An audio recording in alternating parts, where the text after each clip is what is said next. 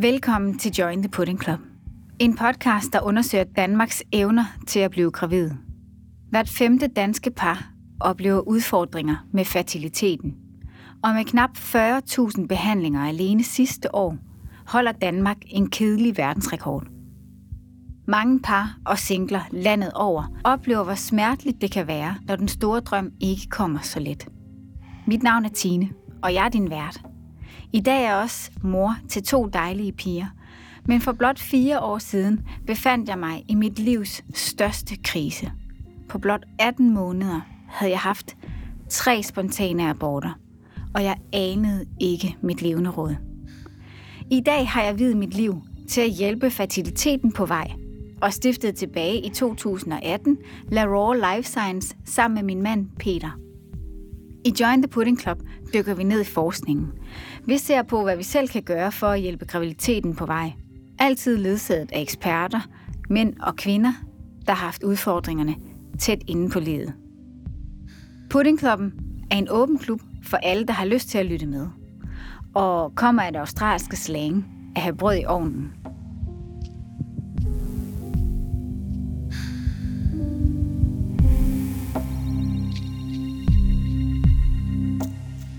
Hej og velkommen til dig, Anne Mette. Tusind tak. Du er kommet med os i studiet i dag. Det har jeg glædet mig meget til, fordi du skal øh, ligesom øh, kaste lys over øh, et øh, emne, som er meget mørklagt for mig et eller andet sted. Jeg ved ikke så meget om det, og det er derfor, jeg har spurgt dig, om du vil komme i dag. Vi skal tale om sæddonation, øhm, forskellige former og måder, og fra tanken begynder at melde sig, hvis man står der, øhm, til man rent faktisk det går ud og bliver helt sådan konkret til, hvad er det så, man gør step for step. Øhm, du er administrerende direktør for European Sperm Bank.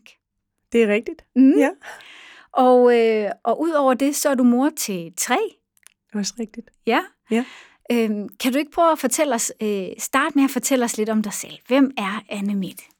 Jo, meget gerne. Og tusind tak for invitationen. Jeg har virkelig også glædet mig til at møde jer og snakke om sæddonation. Øhm, jamen, hvem er Anne Mette? Jeg er par 50 år. Jeg har arbejdet med øh, sæddonation siden begyndelsen af 10'erne, eller siden 2013. Og før det har jeg oprindeligt faktisk en karriere som advokat første 10 år af min karriere, der arbejdede jeg som advokat. Og jeg tror, jeg blev lidt tændt af det her med, at man faktisk på den måde kan hjælpe andre. Men det var sådan den mere sådan formelle, hardcore måde at hjælpe andre på. Så efter det, så søgte jeg over mod healthcare-vejen og var fascineret af det her område. Hvordan kan man hjælpe andre? De er stærkt regulerede områder ofte, så man kunne fik tit sådan hjælp af juraen. Og det opfyldte formålet af at sådan kombinere de to. Øh, og da der så en dag var en headhunter, der spurgte mig, om jeg ville være direktør i en sædbank, så først så tænkte jeg faktisk, det var det mærkeligste spørgsmål, jeg nogensinde havde fået. Men da jeg så havde tænkt lidt over det, så tænkte jeg, ved du hvad, det er en fuldstændig unik mulighed for at hjælpe par, som har problemer, og at, at samtidig kan gøre deres drøm til, øh, til virkelighed på en øh, ordentlig og super og etisk forsvarlig måde. Og med det, der gik jeg ind i, i øh, European Sperm Bank, og ja, har været der lige siden. Hvor meget vidste du om øh, sædbank før det? Altså, jeg må indrømme, at jeg vidste virkelig lidt. Jeg var ikke, øhm, og jeg tror også, at jeg i starten tænkte sådan, jamen, er det, altså vil, er der overhovedet donorer, der har lyst til at være donorer, og er der par, der har brug for sæddonation? Da jeg så kom ind i det, så viste det sig jo for det første, at der er rigtig mange unge, øh, raske, lækre mænd, som faktisk gerne vil være sæddonorer, og virkelig gerne vil hjælpe andre, og overraskende mange, desværre kan man måske sige, har brug for sæddonation. Og, og når man så siger desværre, så, så bliver man også ret hurtigt klar over, at det måske ikke i virkeligheden desværre, for det giver en fleksibilitet i forhold til, hvordan man gerne vil have børn. Det giver jo singler mulighed for at få øh, børn. Det giver øh, same-sex couples mulighed for at få øh, barn, uden at de har sige, en tredje mand involveret i det. Og det giver infertile par jo en mulighed for at få et barn, øh, som de selv bærer. Øh, og derfor så ender det jo faktisk med, at man på mange måder har et utroligt lykkeligt job øh, og kan hjælpe rigtig mange mennesker med det, man, man laver i hverdagen. Øh, og de dage og det, det er faktisk relativt ofte, så får man de sødeste mail tilbage fra folk, som tænker sådan, det var, altså, det var mit liv om at gøre, at vi har fået børn på den her måde. Så, så står det virkelig sådan klart for en, hvad det, hvad det er, man, man hjælper med, og hvad det er, man øh, laver. Mm. Det er jo så også klart selvfølgelig, at de her donorer, vi får til at hjælpe, har vi også et, stort ansvar for, og føler et stort både øh, ansvar for, altså både etisk egentlig, og også øh, moralsk og regulatorisk. Så, så der er sådan, der, der er virkelig en, øh, to sider, hvis man kan sige det sådan, ikke, som vi hele tiden har for øje øh, mellem parne og donerne. Og så, så snart der kommer øh, øh, noget ud af det, så er der også børnene at tage hensyn til. Og dermed så ja, det kan vi snakke lidt mere om, men så er der mange forskellige hensyn faktisk at tage hele tiden, hvordan vi, vi udvikler vores forretning. Og det er faktisk noget af det, som at der har overrasket mig mest ved at træde ind ad døren op hos jer. Øh, fordi vi har mødtes øh, en gang før. Øh, det plejer jeg gerne at gøre med vores gæster, og jeg plejer gerne at lave lidt research og sådan noget. Og det, som der overraskede mig rigtig meget, det var alle de her, nu siger jeg bare platforme, eller fokusområder, grupper, som du selv siger. Altså behov og hensyntagen. For eksempel, I skal passe på donoren. I skal passe på familien, øh, kvinden og manden, øh, eller single-kvinden. Øh, og så skal I passe på børnene også et eller andet sted, eller I påtager jer i hvert fald ansvaret for det. Ja. Øh, hvor jeg tror, jeg havde tænkt mere sådan en sædebank, som så går han op og afleverer. Øh, en, en glat, lad os bare ja. kalde det det. Jeg kalde det det. ja. Og så øh, går han i, afsted igen, og så kommer der nogen, og så ja, har de, får de den der klat, og så, øh, så er det ligesom det. Ja. Men I er så meget med, altså I er med i så meget mere af den her rejse, og I forsker og undersøger rigtig meget. Hvis vi nu starter med Altså hvor fasen og rejsen ligesom starter for enten parret eller den single mor. Hvad er det så for nogle tanker, I har fundet ud af, de går og dribler med derude? Jamen for det første har vi fundet, at de er faktisk ret forskellige, de forløb. Så man skal nok sådan prøve at se dem øh, lidt, øh, lidt adskilt. Det heteroseksuelle par, de, vil, de starter altid øh, hjemme, og så går de til en fertilitetsklinik for at finde ud af, hvorfor får vi ikke børn. Og så gør fertilitetsklinikkerne typisk, hvad de kan for at bruge øh, sæden og ægget fra parret. Og når de så på et eller andet tidspunkt finder ud af, at det her går ikke, så ender de, kan de ende hos os, og så spørger de, kan I, kan I hjælpe? Så det er sådan, det er sådan typisk deres historie. De øh, to kvinder, de er, sådan, de er jo godt klar over, at de skal finde sæd et sted, hvis de gerne vil have børn på et tidspunkt. Så deres rejse er mere sådan, skal vi finde en, vi kender, skal vi finde en, vi ikke kender, men som vi bare støder på, som måske tænker, hans gener kunne være gode? Eller skal vi sådan finde ind i sædbanken og, og, og vælge en donor der? Så deres sådan, rejse er lidt anderledes i hvert fald end det heteroseksuelle par. Og så er der singlerne, som, som jo for mange af dem, vi har snakket med, de starter jo med en idé om, at de skulle have fundet en kæreste øh, og havde haft en og have oplevelse med at have et barn.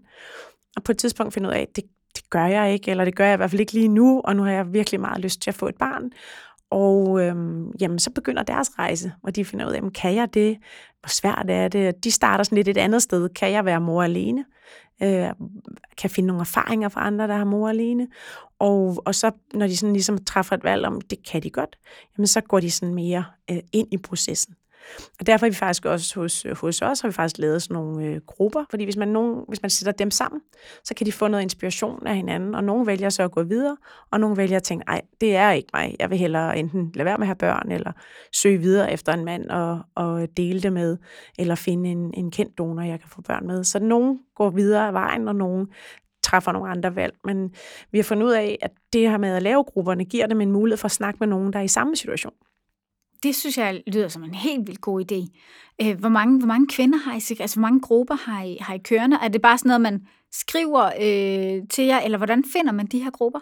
Ja, man kan skrive til os, eller så skriver vi tilbage, når man, når man signer sig op på vores hjemmeside, så skriver vi ud og siger, at vi har det her tilbud, hvis du er, hvis du er interesseret i det, og, øh, og så kan man så melde sig. Og det, øh, jamen det kan enten være, at vi kører nogen på engelsk, vi kører nogen på dansk, øh, vi kører nogen, der er, øh, også har koblet øh, en øh, fertility care med, en forening i Danmark, som har nogle perspektiver på, hvad er det at være barnløs, øh, hvad vil det sige at gå i facilitetsbehandling, hvad skal man passe på med sig selv, når man skal igennem sådan en proces. Så, det ikke, så man ikke starter og så tænker, man, nu, nu er jeg i gang, og i morgen har jeg et barn. Altså, der kan godt være ret mange sådan følelsesmæssige øh, udfordringer, eller i hvert fald processer, man skal gå igennem. De er virkelig dygtige til at forberede en på det, som alt andet lige gør processen nemmere. Ja. Så, øh, så det har vi egentlig kørende sådan løbende. Øh, så er der nogen, der har mere lyst til at ringe. Vi har et ret stort rådgivningsteam, som det vil sige, taler verdenssprog, så en del har lyst til bare at ringe og sige, hey, jeg er i den her situation, kan I hjælpe mig?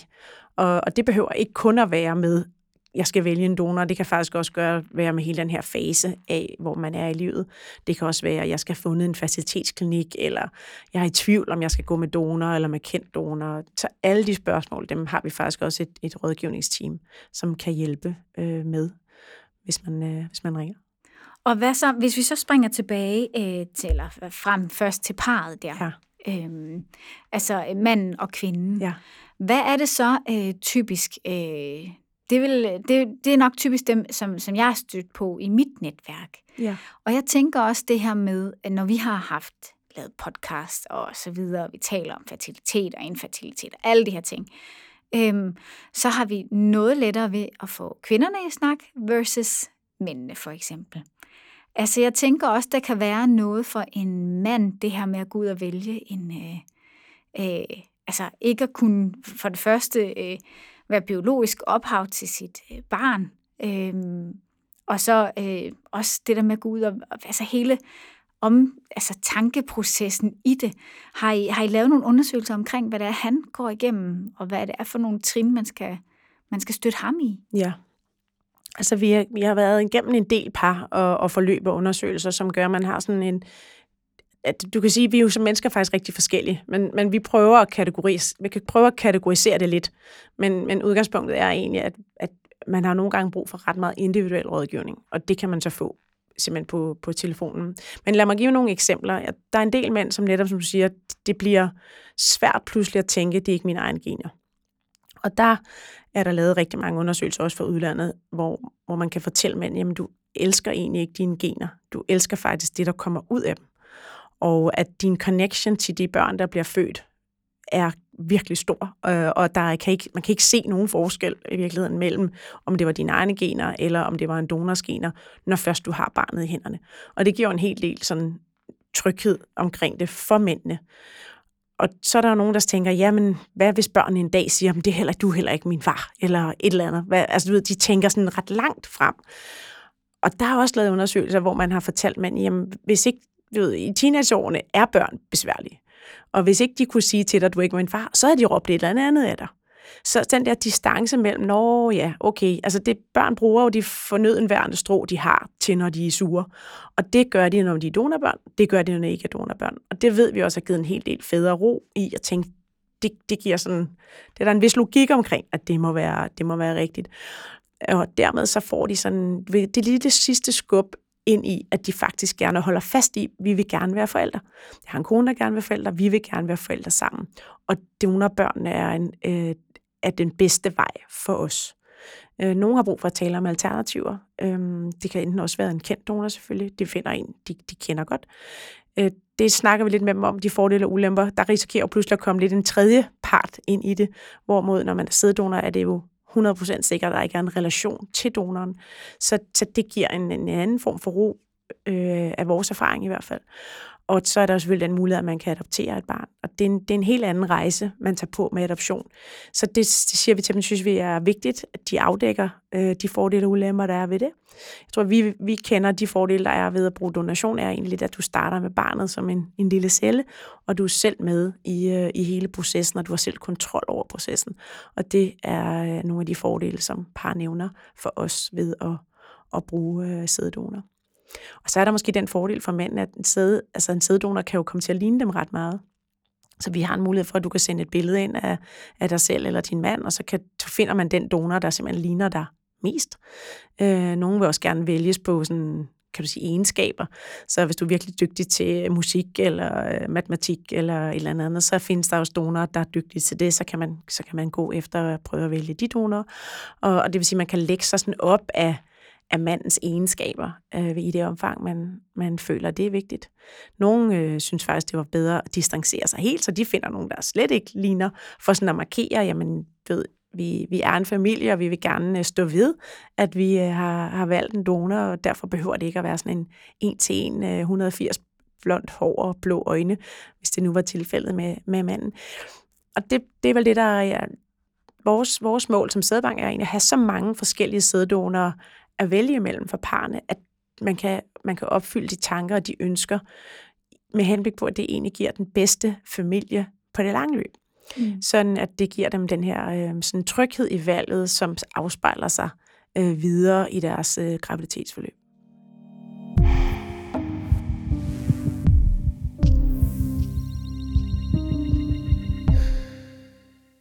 For mændene, jeg, jeg kunne godt, jeg ved ikke, men jeg kunne forestille mig, altså, eller oplever I nogensinde, at der sidder par op hos jer, hvor det er ham, der ligesom måske er sådan, den, måske ekstra skeptisk i forhold til det her med at få en sæddonor versus hende?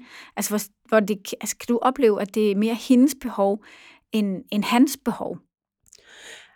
Det kan man godt en gang imellem opleve, at man har en fornemmelse af, at det er i virkeligheden hende, der, der, gerne, der lidt mere gerne vil. Jeg tror nu ofte egentlig ikke, at det, det er ikke det er ikke nødvendigvis rigtigt, at det er hende, der gerne vil, men det er måske hende, der har nemmest ved at talesætte det, når, når, de, når de sidder i konstellationen. Det er faktisk lidt mere svært for ham.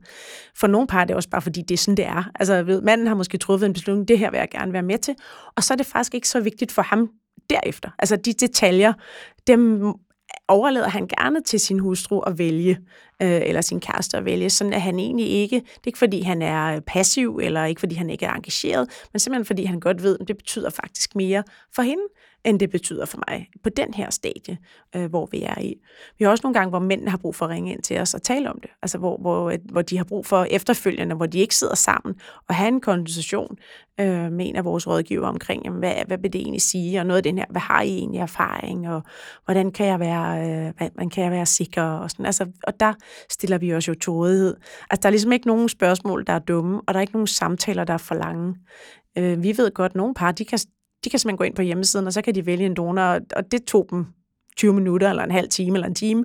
Og så er der nogle par, der bruger måneder frem og tilbage. Og, og altså, det kan vi sige, det er jo øh, vigtigt, at man ender det rigtige sted. En gang man prøver at hjælpe folk til lige og sådan, du ved, nogle gange kan proces bare tage for lang tid. Altså, hvor man ligesom bare måske risikerer ikke at træffe en beslutning, fordi der er så mange valg, og der kan vi godt hjælpe, og de siger, kan I, kan I hjælpe os med at komme med to forslag, og så kan vi vælge mellem dem. Og så gør vi, øh, så gør vi det, og nogle gange foreslår vi os selv, om ikke vi skal prøve at finde to frem, og så kan de træffe et valg ud fra det, de har fortalt. Mm, nogle gange kommer de ind til os, som du siger, så kan de sidde, og, og vi kan holde med med dem. Nogle gange har vi sådan teamsmøder, hvor de, hvor de begge to er på, eller, og nogle gange er det på telefonen. Nogle gange er det på mail. Øh, så der er også alle, alle kommunikationsmuligheder er, er åbne. Ja, for jeg tænker nemlig det her med, at øh, havde det været mig, der skulle ud og vælge en, en ægdonor, så tror jeg, jeg ville have været længere i tid i processen, haft brug for mere viden omkring det, end hvis jeg skulle ud og finde altså, en sæddonor øh, et eller andet sted. Og det er jo lidt den samme, han sidder i et eller andet, øh, ja. på, og plus, men også måske mange gange sådan, gerne vil have de der øh, videnskabelige beviser, evidens, og hvad har I erfaring, og, og så videre. Det kan de jo også godt lide. Vi andre, vi sparer også. Det kan vi også godt lide. Vi sparer bare øh, med hinanden hen over kaffen, eller få booket det, der fortalt om det, videre. Ja. Så, øhm. Du kan sige, at vi har en indtryk af, at mænd har læst en del tit. Altså hvis de sådan, mm. har lyst til at sætte sig ind i det, så dykker de ned i videnskaben, så dykker de ned og, og læser og, og på den måde forbereder sig, hvor du nok er ret, at kvinder måske har en mere sådan tendens til at, at kommunikere omkring det, og så træffe nogle beslutninger på baggrund af sådan den, den direkte kommunikation. Vi, vi gør en del i at lave blogs og forskellige ting, links til undersøgelser, links til bøger, det gør at man også kan finde noget viden den vej fra, så at man, du vil sige, egentlig for vores vedkommende prøver at stille til rådighed det, der skal til, for man føler en ro i at træffe beslutningen, øh, som man så kan vælge en, en, en donor ud fra nogle gange, så det er også lidt afhængigt af, hvordan folk er. Man kan sige, hvis du nu havde været på en bar og havde kigget der rundt og havde sådan tænkt, okay, han, han ser fandme charmerende ud. Og så havde man snakket sammen, og så var man blevet enig, og så var man blevet kærester, og så havde man fået et barn. Altså nogle gange kommer livet jo også sådan umiddelbart. Og den, den der sådan mulighed for at slappe af og sænke skuldrene og tænke, jamen, hvor jeg, der er nogle gener fra en donor, de bliver jo blandet med min kones gener, og der kommer noget ud af det, som bliver et super lækkert barn når først barnet er der, så er der jo ikke, altså så har, der ikke, har man ikke truffet et eneste forkert valg, om man så må sige, uanset hvilket valg man, man traf.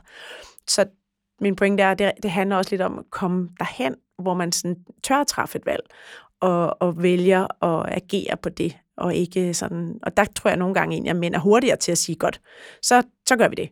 Øh, og øh, vi skal bruge, vi tager, vi tager øh, donor, øh, hvad, hvad, han, hvad han nu end hedder, 17, 19 eller Adrian, eller hvad det måtte være, hvor kvinderne nogle gange går længere. Ah, men det kunne også være ham. Altså, åh, oh, der ham er også sød, eller han, han havde et fint babybillede, eller ah, han kunne også være, han var god til fodbold, eller han kunne godt lide pasta. Og der, derfor går kvinderne måske nogle gange længere ned i detaljerne, ikke? hvor mændene de sådan mere, jamen prøv at jeg ved ikke, jeg tror også mange, de fleste mænd i hvert fald er nemmere ved at købe tøj. Ikke? De går ind i en tøjbutik, så ved de gerne, hvad de vil have. Så tager de det på, det passer, og så går de ud igen. Ja. Øh, og uden man skal sammenligne det til, til sæddonation, så, så tror jeg, der bare er nogle beslutningsprocesser, som, som kan ligge nemmere for mænd. Øh, og, og dermed sådan, øh, er det ofte kvinderne, som bruger lidt længere tid på det. Mm. Så i virkeligheden er ham, der bruger måske nogle gange lidt længere tid i starten til at træffe beslutningen, når beslutningen så er truffet, så er han måske faktisk sådan, så er han klar ja. et eller andet sted. Så, så, er det det, så er det det, vi gør. Så er han grounded i det. Så er han grounded i det. Og ja. så kommer der jo det her barn øh, ja. på et tidspunkt. Øhm, hvad oplever I af skifte? Har, har I, er der lavet noget sådan på det der med måske mænd, der har været skeptiske over for det til at starte med, eller har været meget sådan, øh, det skal vi ikke fortælle vores familier eller omverden? Hvad er jeres oplevelse? Går folk ud og fortæller, øh, at de er, de har fået, øh, de, er, de er blevet forældre via sæddonation? Altså, det er faktisk et virkelig godt spørgsmål. Vi gør alt, hvad vi kan for at opfordre dem til, at de skal fortælle det til børnene. Og det er faktisk uanset, om du er et øh, heteropar, om du er samme køn, eller om du er single. Man kan sige, det giver måske mere sig selv, når du er single eller samme køn. Så, så heteroparne, det er virkelig vigtigt. De fortæller det til børnene. Der er en del voksne donorbørn, man hører i dag, hvor man, kan, hvor man forstår på dem, jamen de fik det at vide på sådan en en virkelig akavet måde. En farmor vidste det, en søster vidste det. Sådan lige pludselig en eller anden dag, hvor man blev sur, så var der en eller anden, der sagde det. Altså, og det giver nogle kæmpe ar på børnene, og det er helt unødvendigt. Altså hvis man sørger for at fortælle børnene det fra de helt små. Øh, faktisk så er det mange, der siger, at prøv at fortælle dem, når du står og skifter blæ. Fordi der ved du godt, at barnet ikke kan reagere på det, men du vender dig som voksen til at, til at sætte nogle ord på det. Og, øh, og så bliver det nemmere, når man, så har du sagt det 100 gange, og når så børnene bliver lidt ældre, så, øh, så var det ikke mere svært at sige det end som så.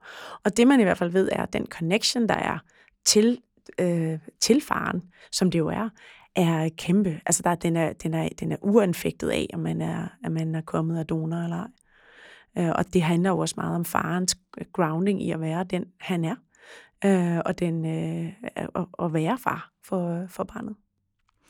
Ja, for vi, vi kommer til at snakke med øh, et donorbarn her senere i, i, øh, et senere afsnit. Mm.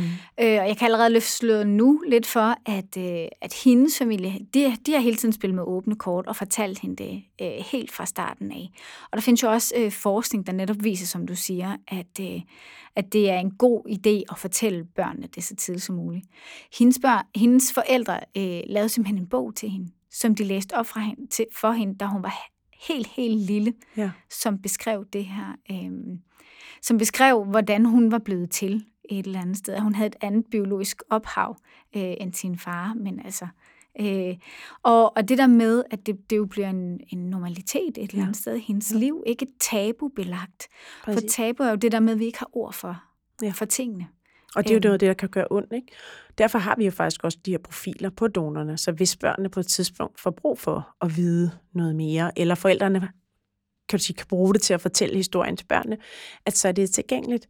Og det er en vigtig, det er en vigtig del af det egentlig, at øh, jamen, man, man holder det ikke skjult, man kan tale om det. Nogle gange kan det måske også komme med en, du ved, en kompetence eller noget. Hvorfor er I så super et eller andet, mor og far, og jeg er noget helt andet?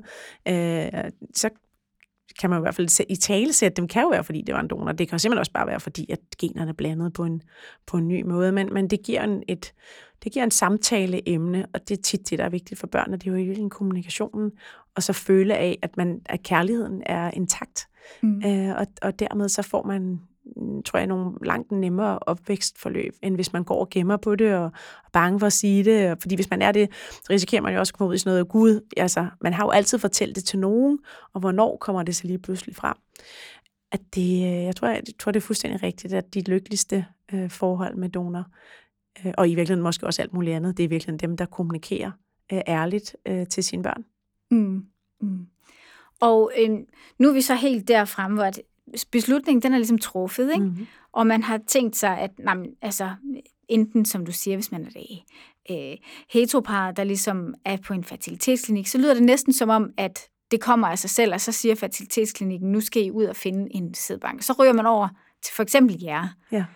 Øhm, og hvis det er øh, to kvinder, øh, for eksempel, så ryger de så direkte til jer, eller vil de også gå igennem fertilitetsklinikken, eller hvordan er udvælgelsesprocessen? Fordi I er jo i virkeligheden øh, to forskellige øh, døre, man skal ind af. Ja, det er vi. Altså, øhm, i forhold til øh, to kvinder, der er det nok lidt forskelligt, om de starter i fertilitetsklinikken og taler med dem, eller om de starter øh, hos os og finder donoren først. Øh, begge veje er egentlig øh, gode. Nogle, altså hvis, hvis man hvis man tænker over det, tager det faktisk typisk lidt længere tid for en selv at finde donoren, end det tager at starte op i fertilitetsforløb. Så det er faktisk en rigtig god idé at starte med donoren. Øh, der er også navnlig, øh, du kan sige, både er der sådan et udvalgelsesforløb, hvor man lige skal bruge lidt tid på at finde ud af, hvilken donor vil jeg, vil jeg egentlig gerne have, og nogle gange er den donor, du vil have, han, han, er, ikke, han er ikke nødvendigvis lige på lager. Altså, der kan godt gå okay. lidt tid. Ja, han, er, der, han er populær. Ja, men der kan jo godt gå lidt tid, hvor han for eksempel lige skal, øh, typisk er det sæddonation, så, så donerer du, så går der øh, tre til seks måneder, hvor de skal stå i karantæne, øh, og så bliver der lavet test igen, for at være helt sikker på, at donoren er rask, øh, når han donerer. Det, det, det, det, der er der sådan nogle formelle regler for. Og derfor kan der godt være perioder, hvor man siger, oh, jeg skal lige vente tre måneder, før at, at han igen øh, har nogle, øh, har nogle øh, strå på lager, som, som vi kalder det. Øh, og, og dermed så er det bare et rigtig godt sted at starte med at finde donoren og, og komme i dialog med sædebanken. Og så er det sådan, at sædebanken sender det til den øh, klinik eller gynekolog, du, øh, du vælger, øh, så, du så, kan blive, øh, så du så kan blive behandlet der. Øh, og det gør vi øh, både i ind- og udland faktisk, så man, hvis nu bare snakker om i Danmark, ikke, så kan man vælge en hvilken som helst sted, så, så har vi nogle samarbejdsaftaler med dem, og så ved vi, du ved, ah, om den klinik vil gerne have det om mandagen, og der skal se sådan her ud, og skal komme kl. 10, og, altså du ved, så er der en ret meget kommunikation mellem os og, og klinikken. Øh, der er også den fordel, hvis du starter tidligt, der, vi vil sige, snakke på et tidspunkt, men der er jo, vi har alle sammen nogle, øh, nogle øh, gen, genfejl faktisk. Øh, du har det, jeg har det, alle har det. Øh, og typisk har vi ikke de samme fejl, øh, så derfor så betyder det ikke så meget i forhold til, hvem vi får børn med. Men når man bruger en donor, der er nogen, der nogle gange ved, uh, jeg har, jeg, jeg har den her bære, øh, tilstand, og så vil man gerne have testet, har donoren den samme bæretilstand. Og det tager også lidt tid. Så sikre sig, at man ikke bærer på de samme genfejl. Og det kan også være en anledning til, at det er en god idé at gå i gang i, øh, i god tid med at finde sin donor. Okay, altså ligesom vende den om. Øhm, I forhold til, hvad jeg sådan tænkte. Jeg tror, jeg ville løbe ned til fertilitetsklinikken først, hvis det var det, man valgte jo. Fordi der er jo også nogen, der vælger de her nye. Der findes jo alle mulige spændende, sjove, dejlige, skønne, skøre ja. øh, familiekonstellationer det i dag. Det gør der heldigvis. Ja. Øhm, og øhm, der er jo også nogen, der kigger på det her, og vi skal også på et tidspunkt lige vende tilbage til det her med åben og lukket donor. Ja. Øhm, spejling note to self. Og så, men, men, øh, men det her med de her øh, regnbue for familier, eller det her med at gå ud og finde en, øh, en donor selv. Øhm, vi talte lidt om det, for nu kom du selv ind på det, det her med, at vi har alle sammen genetiske fejl osv. Fordel, ulemper ved, øh, ved det? Ja. Altså en fordel ved sædbank er jo helt sikkert, at man får et screenet donor øh, på den ene side, og så får man en donor, man ved har god sædkvalitet. Og der er jo faktisk desværre rigtig mange mænd, der har relativt dårlig sædkvalitet. Så det giver sædbanken. Den giver, at man er sikker på, at der ikke er nogen, sådan kan du sige, overførbare sygdomme, HIV, hepatitis øh, osv., klamydia, måske mindre øh, farligt, men, men alligevel, og at du har god øh, sædkvalitet.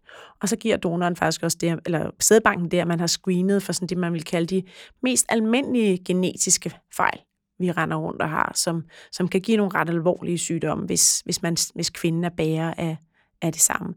Så det er det, man får med sædbanken sådan på den som siger, sygdomsmæssige, screeningsmæssige del. Men så får man altså også det med sædbanken på, den, på, den fordels, på fordelssiden, at barnet kan få viden om donor. Øhm, det viser bare, at al forskning er vigtig for børnene. Hvor kom jeg fra? Og det kan de få af viden i de her profiler. Det, der sker i regnbuefamilier, i hvert fald hvis man, hvis man bare vælger en, og så overhovedet ikke kender noget til hinanden, det er egentlig, at du jo får et barn, men barnet efterfølgende vil have nul viden. Og nogle gange har møderne lige skrevet ned, om han var brunhåret og brun øjne, og han, han sagde også, at han boede i København, eller altså ved, hvad man nu, hvad man nu lige har skrevet ned. Og der kommer mange af børnene altså ud med et, med et tomrum af, hey, hvad var det lige, der skete der? Ja, fordi man kan jo vælge to. Altså, der er jo også flere inden for regnbuefamilien bare. Øhm, altså, der er jo ligesom det sorte marked et eller andet sted, hvor mm. man kan gå ud og øh, finde øh, en sæddonor. Øhm, øh, af økonomiske årsager tror jeg nogle gange, at det altså, man øh, kan vælge det, eller hvem er det, der vælger? Og så kan man sådan gå over og vælge en, som man kender. Mm. Øhm, og så, så er alt, hvad der til hvad, hvad der hører til der, øh, altså, så skal man jo være familie, måske, hvis det er det, man vælger. Ja. Ikke også? Jo. Øh, der, kan jo, der, der laver man jo sin egen konstellation. Præcis. Det, den vil jeg ikke gå ned i. ja, der laver, og der, det er måske også det, man kalder sådan i, i vores sprog sådan kendt donation. Ja. Og der, der runder man faktisk også gynekologen eller fertilitetsklinikken, mm. og der, der er der lige en proces omkring det. Øhm, det er jo altid sådan, hvis man er med en single i hvert fald, uanset om det så er kendt eller, eller ukendt, at man bliver faktisk far det eneste mulighed ikke at blive far for en donor, det er at være gået igennem en tædbank.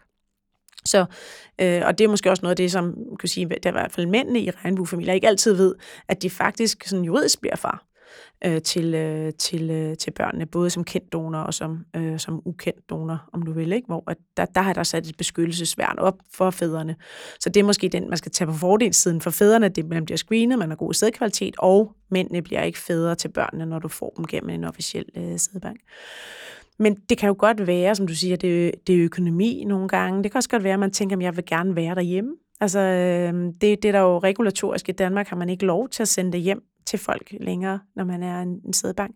Og det er der nogen, der tænker, at jeg vil bare så gerne være derhjemme. Og det, øh, ja, det, det er sådan, det er nu. Man kan gå til sin gynekolog, og det er jo sådan tit relativt tæt på en selv, øh, sådan at man kan prøve at få det sådan så privat, som man nu kan, øh, i, for, i forbindelse med at blive insemineret. Men det er måske noget af det, bare for at sige, hvad fører til det sorte marked? Det tror jeg nogle gange er noget af det, der gør, der fører til det sorte marked, det er, at man kan være helt privat. Okay. Fordi at, nu ved jeg ikke ret meget om det sorte marked. Er det sådan, altså, er det sådan man mødes med en, og så giver han en kop, og så sørger man for selv at putte det op, inseminere sig selv eller kan det være Altså, tror, altså direkte, direkte samleje? Ja, eller? jeg tror, ja. begge versioner findes. Altså, nogle øh, siger, de har lige sådan, de stopper ind på en tankstation, eller øh, McDonald's, eller hvad der nu lige findes i nærheden, og så får de, de en kop, kvinderne, og, og, og, og arbejder med det selv, eller der er et decideret samleje. Det, det virker til at være i, i i begge versioner. Øh, der var lavet en DR-program for, jeg tror det var sidste år faktisk, der prøvede at afdække problemet, som, som, eller, eller de udfordringer, der er forbundet med det sorte marked, som ser ud som om, at det, det bliver større. Der er også noget med de her kvinder, de aner jo egentlig ikke, hvor mange børn øh, de har, øh, og, og fædrene ved måske heller ikke helt, hvad de, hvad de ruder sig ud i. Ofte hører vi det her med, at ah, jeg bliver ikke far. Og det gør man juridisk set. Bliver du far til, til, til de børn, der kommer frem på den her måde. Så altså, ja, det, jeg, jeg synes egentlig, at, eller jeg håber i hvert fald, at vi som sædbank har har en mulighed for at komme så tæt på folk i de løsningsbehov, de har, at sædbanken er et rigtig godt alternativ. Vi ved, fordi vi ved, for børnene betyder det faktisk rigtig meget, så for børnenes skyld er vi, er vi, rigtig, er vi rigtig gode. Og, øhm, Men og sandsynligheden for, at man bliver gravid, altså man har også set nogle programmer, hvor man sådan kan se, at du ved, man, man sparer sammen måned for måned, ikke? og så håber man på, at man bliver gravid, og man, man prøver, hvorimod dem, der så går på facilitetsklinik og arbejder med en sædebank med høj sædekvalitet, jamen, du ved, de bruger et par gange måske, og så bliver de gravide. Så hele det psykiske del af den proces, der er med at få barn, den, den, øh, den kan altså, det kan godt være, at det er lige lidt særligt at gå ind ad døren i en facilitetsklinik, men, men så snart man er der, er de jo også utrolig søde mennesker, og virkelig privat, og altså et skønt miljø. Så, så jeg tror egentlig, hvis det var mig selv i hvert fald, så vil jeg, øh, så vil jeg forsøge at undersøge, om ikke den officielle vej var den rigtige, og så øh, tage det derfra. Ja, fordi altså, den ene ting, og det vender vi lige tilbage til også nu her, det er jo det der med, øh, det er jo det der med, at der bliver, børnene bliver omfavnet, forældrene får noget sparring, noget professionel øh, sparring i forhold til, hvad har børnene brug for, når de vokser op som, som donorbørn. Øhm, hvad skal man være opmærksom på? Hvordan, altså det her, det er et godt lille tip. Snak med dem om det, mens man skifter blæ og alt det her. Jeg synes, det er meget, meget sødt, ja. fint øh, tip. Øhm, eller råd, eller hvad man skal kalde det. Ikke? Og noget andet, det er jo også noget, som ligger særlig mig øh, på sinde, det er jo det her med, altså hvad er det for nogle gener, vi giver til vores børn? Ja. Hvad er det for en udgangspunkt, vi giver til vores børn i forhold til, altså er der DNA-skader i sæden. Hvad, altså, vi har jo de gener, vi nu engang har, Ja. men vi kan trods alt godt øh, gøre noget for betingelserne øh, omkring ægcellen og i sædcellen. Mm. Øhm, det er der jo masser af studier, der, der peger på efterhånden. Så det her med, at man får screenet sæden, den synes jeg næsten, altså, for mig så troede jeg egentlig bare, altså, det, det er nærmest nok i sig selv, kan man sige. ja. Men I går ind og faciliterer en hel masse andet. Det er det, jeg gerne vil vende tilbage til. Det er det her med, skal man så vælge en åben donor eller en lukket donor? Øh, du kan måske starte med at fortælle os, hvad er forskellen? Ja. Altså, i, i forskellen er, om barnet på et tidspunkt kan få donors identitet eller ej. Det er sådan helt kort, det det handler om. Øh, uanset om du har en åben donor eller en lukket donor, så er, det, så er en donor aldrig en relation. Det er en donation, det er ikke en relation. Så, så, men, men barnet vil have en mulighed for at finde ud af, som sige, få identiteten at vide. Altså for at vide, hvem det er, Ja, få et navn. og eventuelt også få øh, et møde, hvis barnet ønsker det. Ja, hvis barnet ønsker det, og, og du kan sige, hvis donoren også er parat til det. Fordi ja. det, det, er ikke, det er faktisk ikke en del af det Mm, regulatorisk, man har krav på et møde, men, men det er klart, at der er jo en del donorer, der godt kan regne ud, måske, at øh, hvis nogle børn har, har det behov, og de stiller sig så til rådighed for det. Øhm, der er jo den udfordring, der kunne ske rigtig meget på 18, 20, 30 år. Altså, der er jo ingen, der ved lidt, hvornår får det barn så i givet fald lyst til den kontakt. Og derfor så er det egentlig noget af det, vi går meget op i på den længere bane, er at sige til børnene, men når du får det behov, øhm, uanset egentlig om du er 14 eller 16 eller 18, så tag kontakt til os. Øh, hvis du er 14, har du ikke lov til at få identiteten endnu, men det kan jo godt være, at vi kunne øh, tage barnet, altså omfavne barnet, øh, måske det ikke har set den profil, som øh, donoren har lavet hos os, af en eller anden årsag, øh, moren har glemt den eller smidt den ud, eller hvad det måtte være. Så så kan vi jo øh, starte med den profil, vi kan starte med at tale den igennem med børnene, øh, vi, øh, vi har måske også nogle, nogle flere billeder af donoren osv. osv. Så derfor så anbefaler vi faktisk altid børnene at komme til os. Øh, vi vil også snakke med dem om, hvad du gerne vil opnå. Hvis, hvis det nu føles meget vigtigt at få kontakt, jamen er det egentlig donoren, du har brug for kontakt til? Er det måske i virkeligheden egentlig at forstå, at der er andre børn af den donor, som har nogle erfaringer? Øh, måske det også er bare, at er der andre børn af donor, som lever med en øh, mor alene? Altså, hvor det egentlig ikke har så meget med donoren at gøre, men hvor det egentlig er mere sådan den, Konstellation den af- konstellation, ja. hvor, hvor at, og på den måde, så kan vi jo så hjælpe dem derhen, hvor det, er, det største behov for dem er lige på det her tidspunkt. Øh, og så øh, er der jo nogen, som vil sige på det, at det er, nu har jeg altså, ved, virkelig tænkt over det, jeg er frem og tilbage, og jeg har snakket med jer, og det er faktisk virkelig donoren, jeg gerne lige vil øh, skrive en mail til, eller have en møde med, eller kunne tale med telefonen. Og så tager vi fat i donoren og forelægger det. Og så, øh, så håber vi jo på, at donoren godt kan se, om det vil han gerne. Og nogle donorer vil måske alligevel, på trods af ønsket, være i en situation, hvor det bare ikke er muligt. Øh, og så vil vi tale med børnene om det. Øh, det, det er svært at forudsige faktisk. Vi har ikke været der længe nok. Altså, der har ikke været åben donation længe nok Ej, til, til at at vi det. har... altså, vi det er jo har ikke- relativt nyt. Ja, vi har ikke super meget, øh, vi har ikke super meget erfaring med det øh, endnu. Så det, det er derfor faktisk, vi arbejder virkelig meget med at få bygget kan man sige, viden op, øh, og få indhentet informationer fra donorerne og fra børnene, så vi nu ved, hvad har vi egentlig Er der sådan en alder på? Er det sådan, når barnet fylder 15 eller 18? Eller... Ja, i Danmark er det, når barnet fylder 18. Okay. Så har du, øh, og du har en, en, en åben donor, så er det ligesom det tidspunkt, du kan få identiteten udleveret. Men nogle børn er ikke i 18-årsalderen ikke nødvendigvis lige interesseret i det. Altså det kommer øh, måske nok mere, når du selv begynder at stifte familie, og begynder at tænke over det. Men nogen det tænker giver som, mening. Ja, så tænker, men så tænker de nok i virkeligheden over, om var der nogle sygdomme? Og der kan vi Mm. sige til dem, jamen prøv, at det behøver du slet ikke at tale med donoren om, fordi alle sygdommene, det har vi. Og det Mm. står i øvrigt også i profilen. Så du kan være fuldstændig sikker på, at sygdommene, dem, dem skal du ikke være bekymret for. Øh, og der kan vi også måske sige til dem, jamen måske i virkeligheden, hun skulle få lavet sin egen gentest. Og hvis hun så skal have lavet øh, et, et øh, altså hvis nu kan hun være single, eller hun kan være gift, eller hvad hun er, øh, arbejde med, øh, med gentest i forhold til at få, få øh, afklaret nogle usikkerheder, hvis de er der. Men, men det er i hvert fald ikke rigtig noget, man kan bruge donoren til på det tidspunkt. Så vi, vi vil også prøve at hjælpe hende til at finde ud af, hvad er det, en, hvad er det man kan bruge donoren til? Hvad kan, hvad, hvad kan man afdække af, af, af gennem ham? Og hvad skal vi i virkeligheden hjælpe hende med på en helt anden måde? Øh, pointen er nok bare, at, at vi i, i European tænker, at det er en stor del af vores ansvar. Det er faktisk at være til stede på det tidspunkt, det er at indsamle viden, så vi, vi kan hjælpe øh, børnene og øh, give dem kan man sige, det bedste øh, skubbe videre i livet, eller, eller, eller hvad du nu vil, hvordan du nu vil sige det. Mm. Mm. Og jeg ved jo også, at det er jo også noget, som I har snakket med, med mange mænd om, ja. altså donerne inden og så videre.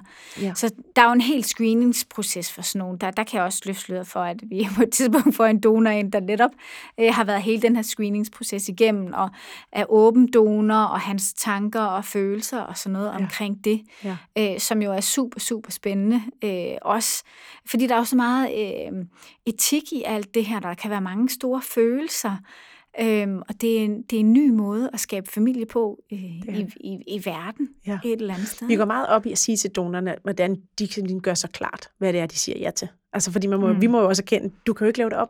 Altså det er jo faktisk en af de få ting i livet, ja. du ikke kan. Du kan simpelthen ikke lave det om. Så vi, vi har, jeg synes, det er en stor del af vores forpligtelse at tale med donerne, så vi er sikre på, okay, de forstod, hvad det her er de øh, vil virkelig gerne hjælpe øh, andre.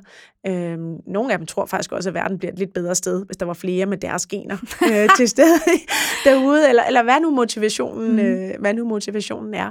Det vigtigste er jo egentlig, at, at vi sørger for, at det er nogle unge, fornuftige øh, mænd. Altså, så derfor så har vi også ret, øh, gør også en del ud af, at de skal kunne gennemskue processen. Mm. Altså, det, det, man kan ikke bare, som du sagde før, man kan ikke bare gå ind gennem gaden og, og lige donere og gå igen. Det tager typisk en 3-4 måneder at, at komme igennem forløbet med at blive donor.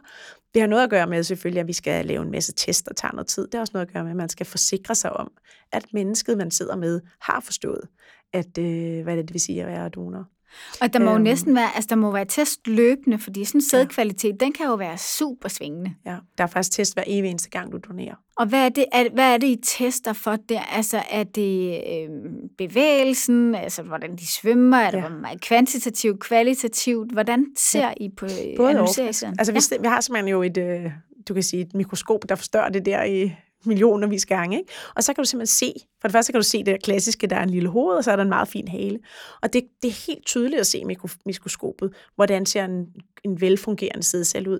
Og så bevæger den sig. Den må ikke dreje rundt om sig selv, eller, så den skal have sådan en naturlig fremadstormende øh, bevægelse, og derfor så det tæller vi så øh, hver evig eneste gang, man, øh, man donerer. Sikrer sig, at, øh, at øh, det ser normalt ud. Vi, har, vi stiller også donoren rigtig mange spørgsmål hver evig eneste gang, han donerer, for at være sikker på, at han ikke har udsat sig selv for et eller andet. Det kan for eksempel være ubeskyttet sex. Nå, okay, det, så skal vi lige lave nogle øh, andre processer, for, fordi der kan, op, der kan være opstået nogle, nogle øh, risici, som der ikke ville have været under, under normale omstændigheder. Eller han kan være ude at rejse i et land, hvor der er nogle særlige risici eller noget andet. Så vi har sådan en helt screeningsproces øh, hver gang, inden, øh, inden han får lov til at donere. Og så som sagt, så står det jo så i karantæne, så hvis der skulle være en eller anden viden, han ikke har haft omkring sig selv, jamen, så fanger man det i de yderligere test, man, øh, man, man laver. Og, og hvordan, altså, men, man laver I også DNA-test? Altså tester I DNA'et for hver gang, om der er beskrevet DNA og kvaliteten af det? Mm, det er faktisk sådan, at når du har rigtig, rigtig god sædkvalitet, så har du også øh, meget, meget få DNA-skader. Så der er en sammenhæng mellem god øh, sædkvalitet og DNA-skader. Og, det og når vi... du siger god sædkvalitet, er det så... Øh, altså, hvor mange så... millioner af sædceller du har, som er øh, kan man sige, normalt fungerende øh, bevægelige sædceller. Så, så vi har lavet nogle, øh, nogle øh, relationer med Rigshospitalet, hvor vi har kigget på, at de ser på rigtig mange af de meget øh, infertile par, og så har vi lavet nogle sammenligninger mellem de meget øh, gode Øh, sæddonorer og deres sådan, risiko for at have øh, DNA-skader.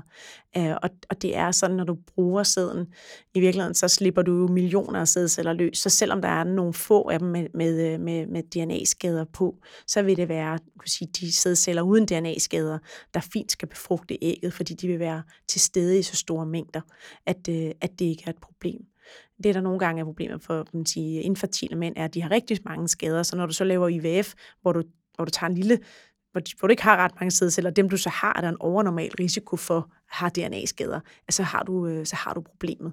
Øh, og det, man bruger det til, er typisk faktisk at gå direkte til ICSI, altså hvor man tager ægget, og tager man en sædcelle, som man kan se ser fint ud, og, og, putter ind i, øh, og putter ind i ægget. Så med sæddonorerne, der er det faktisk et mindre problem omkring DNA-skader, så derfor fokuserer vi på nogle andre, på nogle andre ting, som kan, give, kan være større problemer.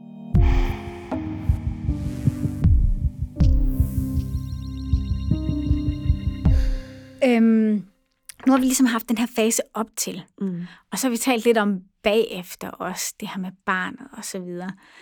Øhm, vi skal lige her afslutningsvis bare sådan hurtigt hvordan er processen så, når det er, okay, ligegyldigt hvem man er, nu har man besluttet sig for, at man skal bruge en sæddonor. Ja. Øh, fordi det, jeg har jo selv prøvet at sidde og klikke inde på jeres hjemmeside, sidde og klikke på nogle forskellige, øh, og jeg synes, altså det var en ret vild oplevelse. Mm.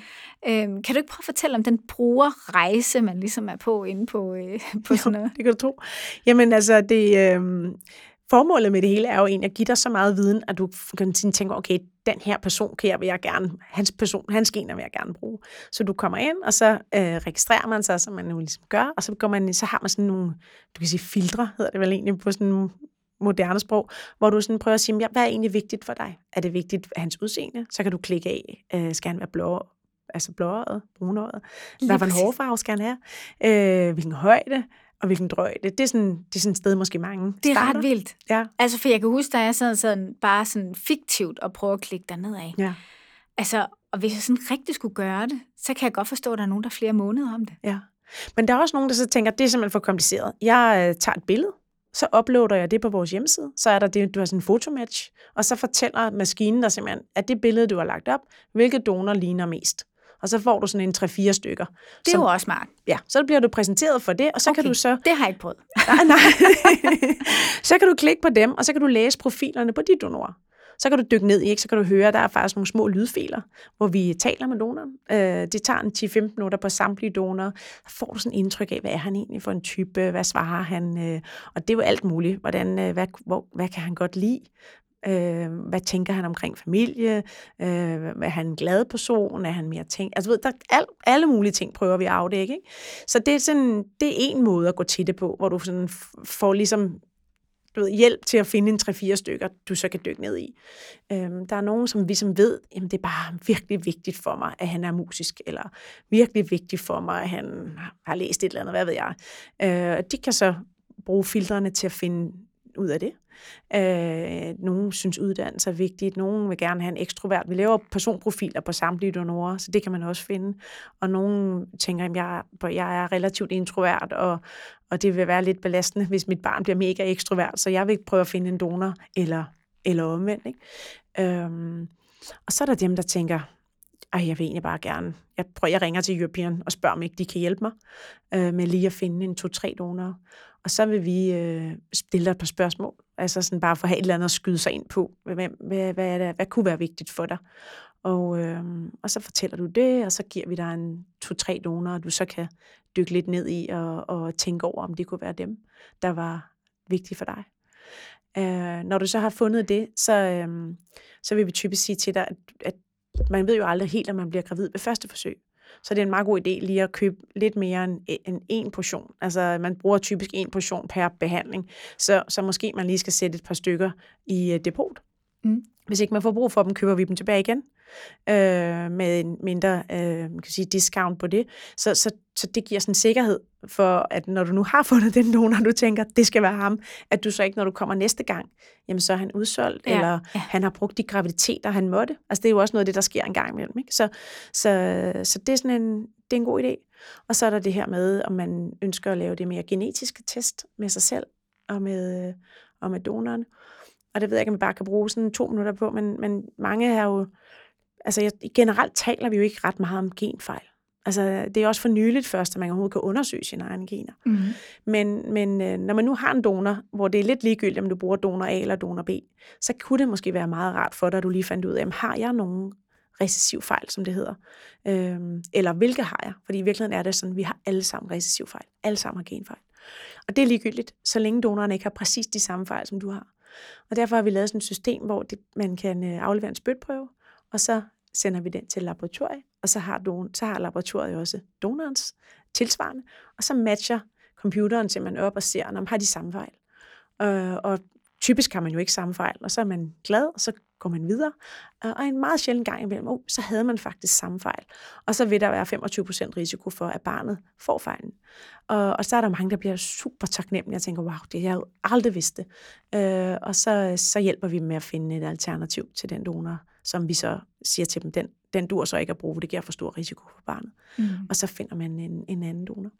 Så I bruger altså helt fra, fra fase 1 til fase 3, hvis vi skal kalde den det, så bruger I utrolig meget tid sammen med de her ja. øh, par. Øh, og kvinder og mænd og, og så videre. Øhm, så bare lige for at binde sløjfe mm. på, på i dag. Vi har ikke så meget mere tid. Nej.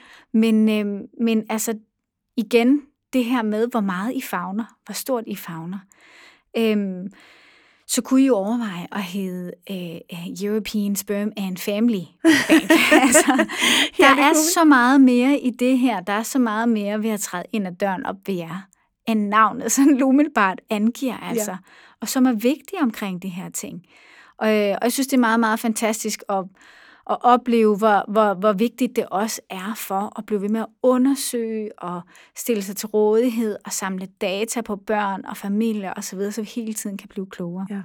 Vi kan jo kun se, at det, det vokser. Vi kan jo kun se, at der bliver et større behov derude. Præcis. Øhm, Ja. Og vi kan kun se, at, at det at være der for børnene også nok er en vigtig del af vores, af vores øh, DNA. Så det kan godt være, du har ret, vi skulle prøve at lave en... Øh, måske ja. man heller ikke skal hedde bank. Altså bank er jo også et eller andet med, at man sådan kortvarigt har en, øh, en relation. Men det var det, vi kom af. Det er det DNA, vi kom af. Ja. Øhm, og øh, ja, så må tiden jo, så må tiden jo lidt vise det. Men, men family i hvert fald er en, ja, en meget I, vigtig I ringer bare, hvis ja. I skal have. I, I, I, ja, hvis vi skal have noget råd. I skal spare. skal spare det er men, bare øh, så fantastisk. Men Anne, tusind, tusind tak, fordi du tog dig tid til at komme ind og tænde lampen øh, Tusind for mig. tak, fordi jeg måtte øh, komme. Jamen, det var rigtig, rigtig, rigtig fedt. Og hvis der er øhm. nogen, når de lytter det, der tænker, uh, det, har jeg, det vil jeg gerne høre mere om, eller spørgsmål om, eller så står vi altså til rådighed. Øh, Lige præcis, for, for man kan jo finde jer, altså European Sperm Bank kan man jo søge enten på nettet. I er, øh, er I på Instagram? Det er vi også. I på, på Instagram, Facebook, ja. og I på Facebook ja. og LinkedIn. Ja. Så man kan ligesom finde jer på de forskellige sociale platforme og ja. tage den vej, man nu gerne vil. Alle vejen, hvor man har lyst til. Ja. Tusind tak for din tid. Tak lige meget.